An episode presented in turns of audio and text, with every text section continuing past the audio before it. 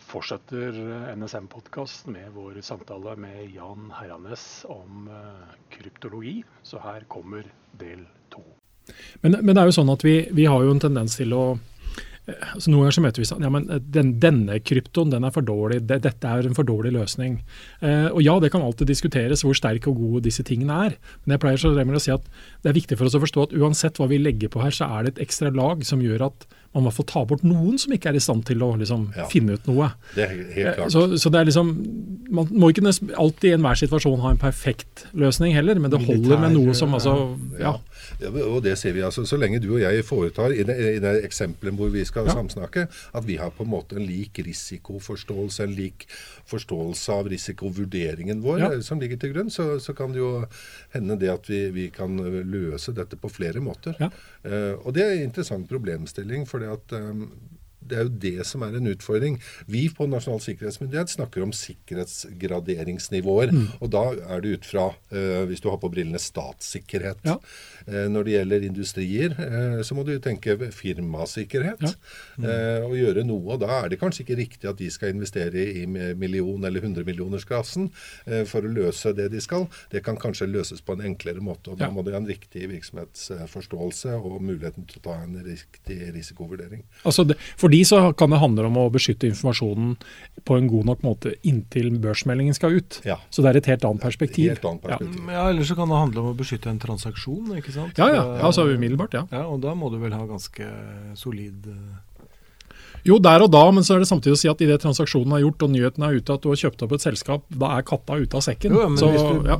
La oss si du betaler over nett, da. Ja. ja. Der må du vel ha Ja, ja, uten, uten tvil. Men, men, igjen, da ikke noe å si et 50-årsperspektiv, sånn som vi egentlig snakker om her. Men, men du berører, Trond, du berører noe veldig viktig. Det er jo at um, når vi snakker litt om krypto, sånn, så høres det litt sånn militært og litt rart ut, og litt ja, sånn statssikkerhet. Ja, for dette er jo noe vi driver med alle sammen når vi alle betaler i butikken. Ja. ja, ikke sant. Vi er i et teknologiland som Norge, og vi, har, vi betaler i, i um, kakelotteri på skolen med VIPS. Mm. Vi kjøper bil med mobiltelefon som mm. uh, transaksjonsvitner. Mm. Vi, har, vi, har så mange integrerte tjenester som vi ikke tenker på, mm. men som nettopp er krypto. Mm.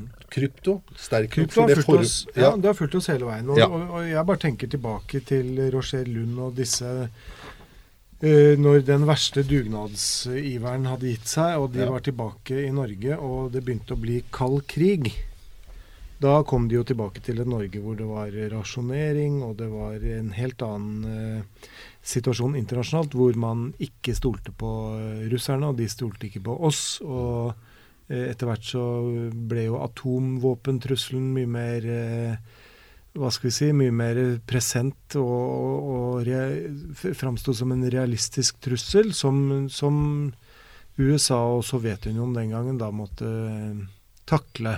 Mm. Og da var dette med tillit det var viktig for å unngå atomkrig.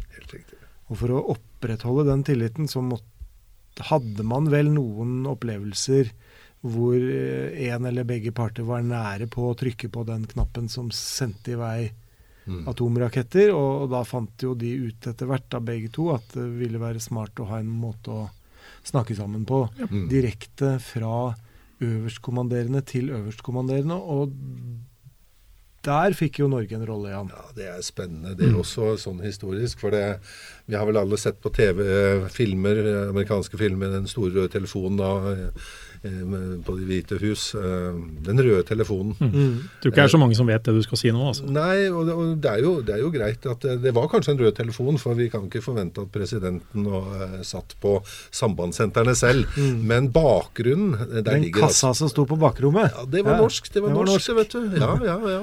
Fra den gangen uh, standard telefon og kabel. Mm. Eh, og Det er sikkert ikke mange som vet det, men altså vi har to altså det vet mange, vi har to store industrier, eller industripartnere innenfor, um, innenfor kryptoindustrien i Norge. og Det er Thales Norge. Mm. Eh, og så er det Kongsberg Gruppen, da, som mm. har eh, Kongsberg Defence. Men Thales, det, det, høres ikke så veldig norsk ut? Nei, du vet at uh, det er jo blitt sånn i dag at man klarer ikke å stå på egne ben alene. Nei. Og har du en suksess, så er det andre som kjøper deg opp. Nei. Så Thales er jo et sånn stort multinasjonalt konsern med hovedsete i Frankrike. Nei. Men Thales Norge er særskilt Ja. Så noen, del, eh, noen ting eh, er kobla mot Thales Frankrike, mm -hmm. men det med norsk teknologi og annet, det er eid av nasjonen Norge. Mm -hmm. Og der har ikke franskmennene innsyn. Det er de nok ikke helt glad for, men mm -hmm. sånn er det.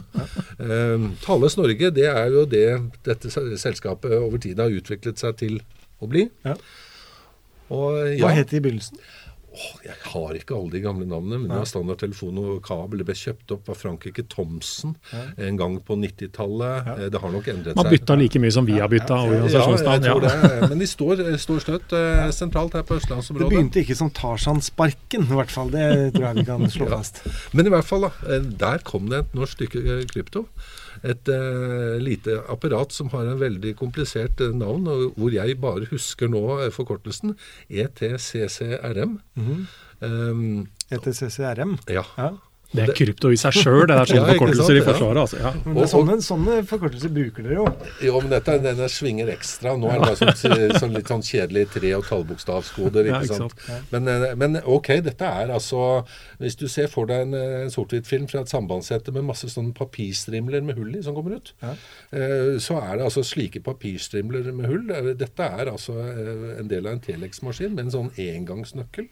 Eh, og da kommuniserte man fra Kreml til Washington Washington, og andre veien selvfølgelig, ja. med denne norskproduserte krypto. Ja. Og det sier seg jo selv i historien. ikke sant? Amerikanerne ønska jo ikke å sette noe amerikanskprodusert utstyr eh, i Kreml. Eh, og, og, ikke hadde det blitt akseptert heller? Nei, og nei. på den andre siden så var ja. ikke de andre lyst til å dele sitt òg. Men da så man på lille Norge som litt ufarlig. Eh, og vi hadde god teknologi, så det ble løsningen. Og det var løsningen fram til tidlig 80.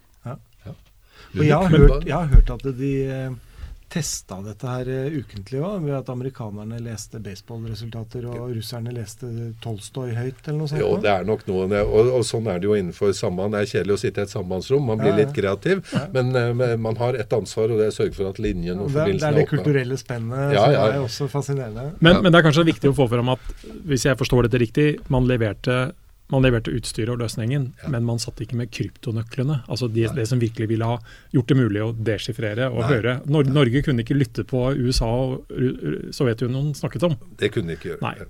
Så, og denne tilliten uh, har jo vokst uh, i alliansen. Da. Nå mm. snakker jeg om ja. Eh, Nato. Uh, hvor, vi, hvor vi har gode og nære dialoger med mange nasjoner, som innenfor teknologifaget også er gode.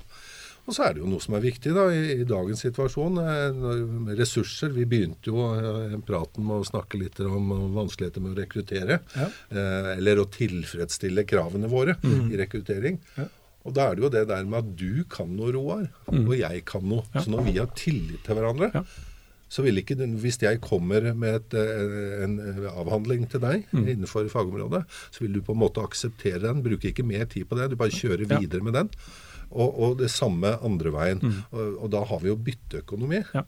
Som gjør at vi står bredere i kompetansefeltet uten å bruke mye ressurser på det. Og dette gjør vi jo veldig mye av ellers også på andre fagområder innenfor absolutt. sikkerhetsarbeidet. Ja, ja absolutt. Og, og, jeg er sikker på innenfor industrielt samarbeid, samarbeid så lenge du ikke er på sikkerhetsgradert side, mm. så er nettopp dette med bytteøkonomi viktig.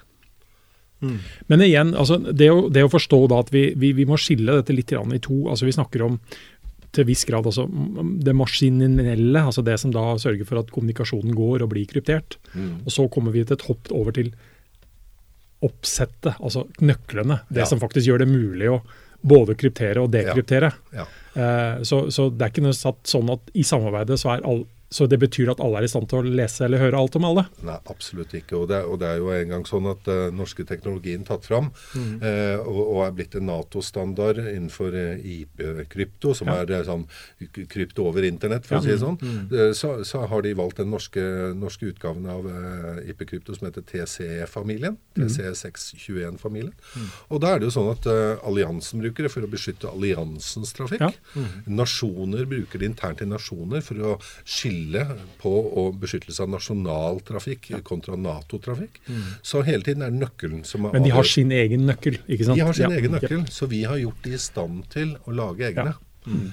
Eh, for da, når vi snakker om krypto og sånn eh, stort, så snakker vi om to ting. Det ene er beskyttelse av nasjonale hemmeligheter. Mm. Og det andre er krav om interoperabilitet. Ja. Det vil si at vi på tvers av landegrensene med samme nøkkel kan utveksle mm. informasjon med hverandre. Mm. Og i tidligere tider så måtte dette fraktes fysisk? Ja, I tidligere tider så ble det, ble det altså printet ut store dokumentpakker, sendt med kurerer via utenrikstjenestens kurertjeneste ja. ned til nasjoner. Det var et byråkrati for å få dette Hele inn. Hele veien var det da folk som hadde det som jobb å distribuere ja. dette videre. Ja. Og sikt sikkerhetsrisikoen var jo mye høyere. Ja. Når du hadde så mye fysisk papir. Det er ikke noe morsomt å dra rundt med sånn. Jeg har vært i sånne situasjoner ja. og vært kurer, og du ja. føler et ekstremt ansvar for at du faktisk får noe som er ja, mm. høy verdi. ja, du har jo et ekstremt har, ansvar. du skal reise langt, og du skal holde deg våken, og du skal passe på det. Kanskje i land du ikke vanligvis ja, det, er så, så det er en høy risiko. Eh, så, så, i dag, hvor vi kan basere oss på til, teknologisk tillit, mm. så er det ikke bare det med ting tar ut tid tid òg, når du skal reise langt. Mm, mm. Nå kan vi faktisk uh, vente på kontoret litt, selv om vi er noen timer offset. Ja. Men så kan vi se på det samme dokumentet uh, når vi snakker sammen. Mm. Det har skjedd noe. Mm. Det er klart, det. Men uh, da er vi begynner vi å nærme oss veis ende, Roar? Jeg tror det. Vi har ja. fått, uh, fått, litt av den historiske bakgrunnen til hva vi holder på med på kryptosida her. Ja, her er det mye spennende, altså. Sier vi takk til Jan, og så takker vi for oss. Jo. Takk for oss. Hei. Hei.